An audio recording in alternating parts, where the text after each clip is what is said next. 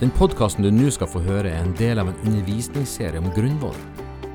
Grunnvollen er et begrep vi bl.a. møter i Hebreerbrevet kapittel 6, og du finner mer stoff om dette temaet på nettstedet vårt sennep.net. Hvordan bygger vi på grunnvoll? Det er et spørsmål som eh, kan sies veldig mye om, og vi skal her eh, fokusere på noen ting som eh, jeg tror er litt essensielle. Men som utgangspunkt for dette med å bygge på grunnvollen, så vil jeg lese det avsnittet som uttrykket er henta ifra i 1. Korinterbrev kapittel 3 og vers 10-17. Der sier Paulus sånn Etter den nåde Gud har gitt meg, har jeg lagt grunnvoll som en klok byggmester, og andre bygger oppå. Men hver enskild må være nøye med hvordan han bygger. For ingen kan legge en annen grunnvoll enn den som alt er lagt, Jesus Kristus. Men om noen bygger på denne grunnvollen med gull, sølv eller dyre steiner, med tre, høy eller halm, så skal det en dag en gang vise seg hva slags arbeid hver enskild har gjort. Herrens dag skal gjøre det klart, for den dagen blir åpenbæra med eld, og elden skal prøve det hver enskild har gjort. Om det byggverket noen har reist, blir stående, skal han få sin lønn. Om det brenner opp, må han litape eh, sjøl. Sjøl skal han bli frelst, men bare som gjennom eld. Veit de ikke at det er Guds tempel, og at Guds ande bor i dykk? Om noen ødelegger Guds tempel, skal Gud ødelegge han, for Guds tempel er heilagt, og dette tempelet er det. Når vi tar oss litt tid til å gå inn i dette avsnittet, så ser vi flere ting her som hver for seg kan nevnes. En ting vi ser, er at det er Jesus Kristus som er grunnvollen. Og at Paulus var en apostel som hadde lagt denne, den apostoliske grunnvollen som en klok byggmester. En klok byggmester legger alltid en grunnvoll som både i utforming og kvalitet vil sikre det bygget som skal bygges opp på. Han hadde lagt sann, sanningen og heilskapen i evangeliet om Jesus ut for dem. Han hadde forklart hvordan livet med Jesus er, og hvordan de skulle få til å leve det ut. En annen ting vi ser, er at andre bygger opp på grunnvollen. De som skal bygge opp på, må selvsagt bygge i samsvar med grunnvollen, og ikke lage et bygg utenom grunnlaget som alltid er lagt. Disse andre kan for så vidt være de som underviser og rettleier i menigheten, men det kan òg være hvem som helst i menigheten som ser sitt ansvar til å være involvert i folks liv, til å hjelpe andre, til å sette mot i andre og til å bygge hverandre opp til å leve livet i Jesus. Og Så snakker han òg om det ansvaret som hviler på hver eneste en av oss. For det hjelper ikke om grunnvollen har blitt undervist, eller om de grunnleggende ting har blitt prenta inn. Om det er gode lærere som rettleier, eller sånne ting. Hvis ikke hver enkelt tar imot undervisningen og ber sitt eget ansvar for sjøl å bygge på grunnvollen, dvs. Si tenke, tale og handle i samsvar med sannheten i evangeliet. Da blir Jesus fokus, fokuset i livet, og han blir synlig i våre liv og gjennom våre liv. Og Det er noe av hensikten. Når Paulus her i denne teksten som vi har lest, gir eksempel på dette med hvordan vi kan bygge, så illustrerer han det med valg av byggematerialer. Poenget hans er at en må bygge med materialer som tåler Guds test. For hver og en av oss skal en dag gjøre regnskap for Gud for våre egne liv. Om vi skal få lønn, eller eventuelt miste lønn og li tapet sjøl, som Paulus sier da.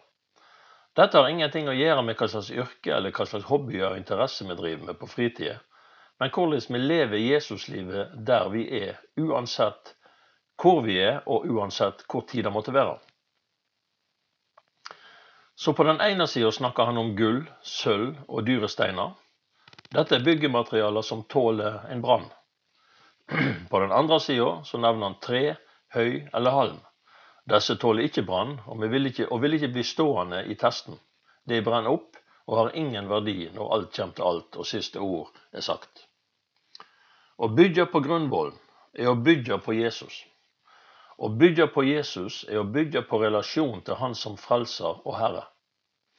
La oss først se litt på dette med relasjon til Jesus som frelser. Å bygge på Jesus som frelser er å forstå oss sjøl rett i Guds forsoningsverk. Ingen av oss kunne frelse oss sjøl. Vi hadde ingenting å stille opp med for å godtgjøre for våre synder. Gud elsker oss likevel fordi Han er kjærlighet, uten noen grunn i oss eller i våre liv. Uten noen andre grunner enn den som er i Gud sjøl, kom Jesus for å frelse oss. Han tok på seg våre synder og vår skyld trass i at vi var så uverdige som det går an å bli. Og han betalte prisen med sitt eget liv.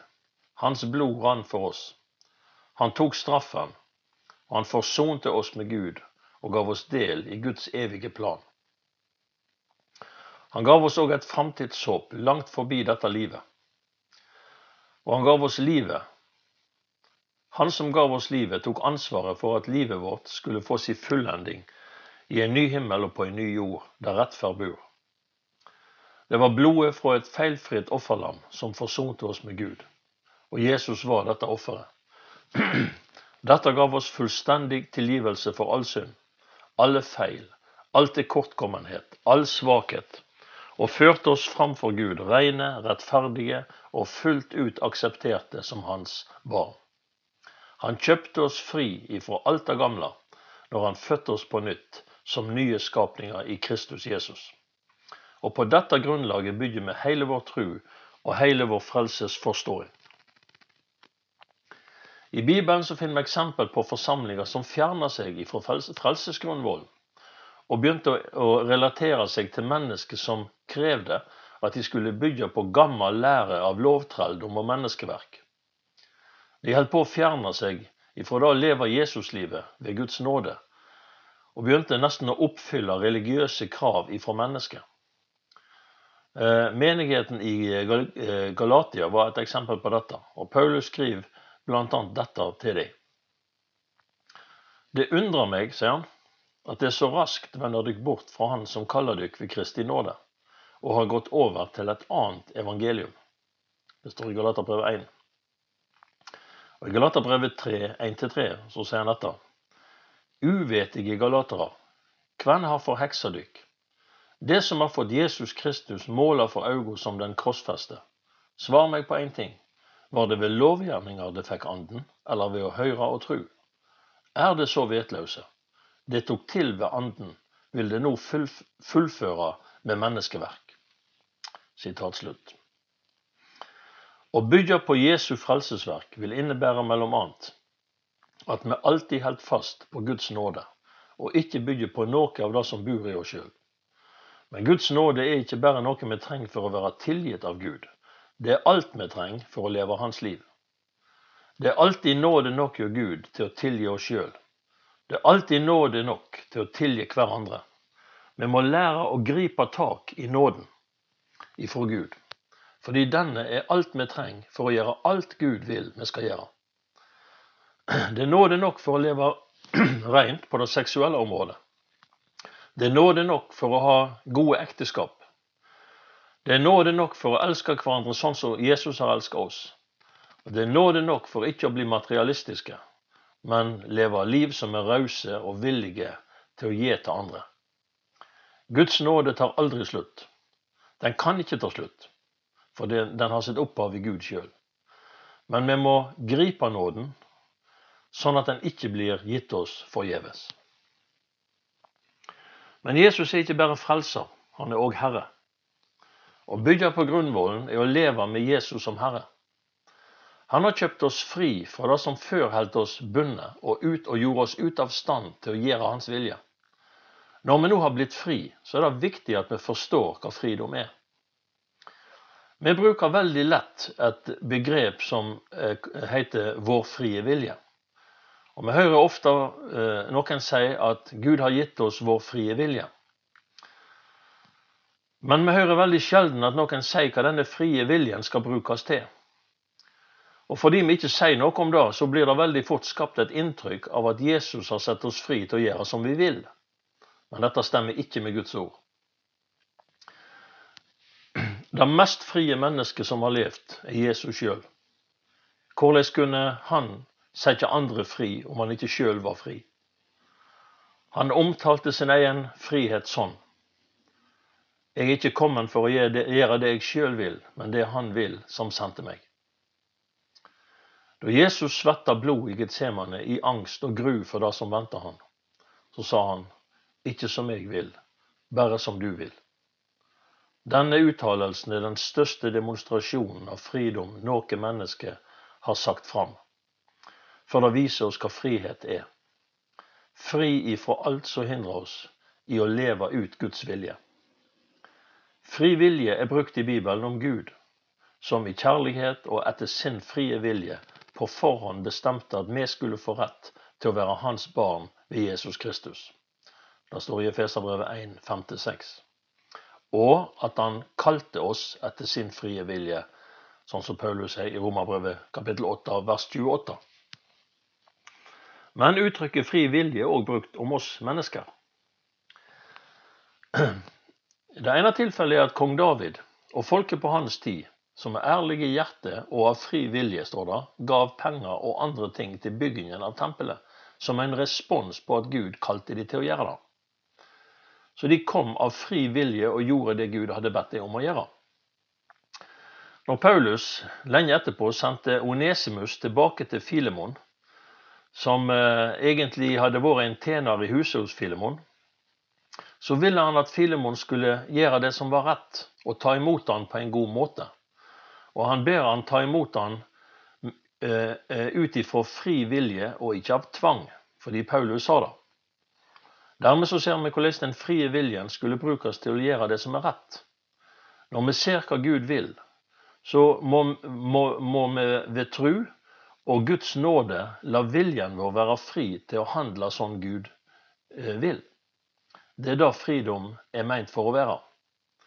Vi ser akkurat det samme i det som Peter sier til lederne for eh, menighetene. Han sier, vær hyrdinger for den Guds flokk som er hjå dykk. Ha tilsyn med flokken, ikke av tvang, men av fri vilje, så som Gud vil. Ikke for vinnings skyld, men av hjertet. Så de får beskjed om hva de skal gjøre.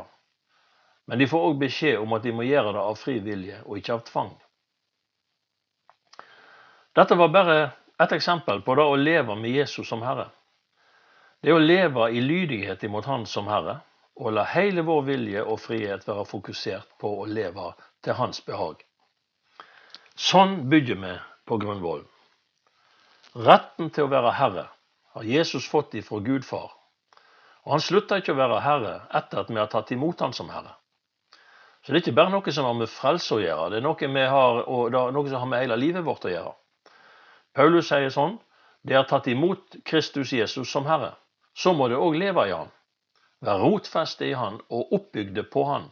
Stå faste i trua så som de har lært, rike på takk til Gud.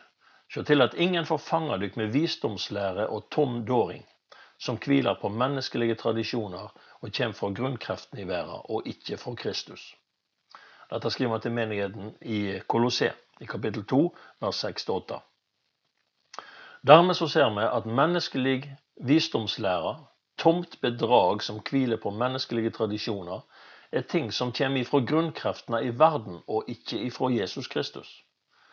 Disse grunnkreftene i verden er ting som Bibelen også kaller for denne verdens barnelærdom. I denne kategorien kommer ting som f.eks. religiøsitet.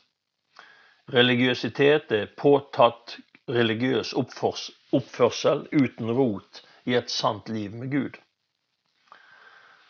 Menneskelig tradisjonstegning Menneskelig tradisjonstenking. Det er mange som tenker religiøse tanker ut ifra tradisjoner. Og sier f.eks. ting som at 'jeg er barnedøpt og konfirmert, og dermed er jeg frelst og klar for himmelen'. Det er òg en del av denne verdens barnelærdom uten rot i et liv med Gud. Ofte så ser en at mennesket tilber den menneskelige fornuft, og mener at vår tro ikke kan, for, kan nå lenger enn det vi forstår av Gud. Det er ikke en bibelsk tenking, fordi tro går langt forbi det vi kan forstå. Det tomme bedraget avviser et rett og et gudfryktig liv, fordi det går forbi heilskapen i Guds ord. For eksempel så er det mange som snakker om at en er frelst kun av nåde uten gjerninger. Men så avviser en at ei tru uten gjerninger er ei død tru. Siste eksempel jeg har lyst til å ta på denne verdens bedrag og grunnkreftene i denne verden, det er at mennesket er styrt av følelser og ikke av Guds ord. Alt som føles godt, er rett for meg. Og så er det noe som er rett for noen, og noe som er rett for noen andre.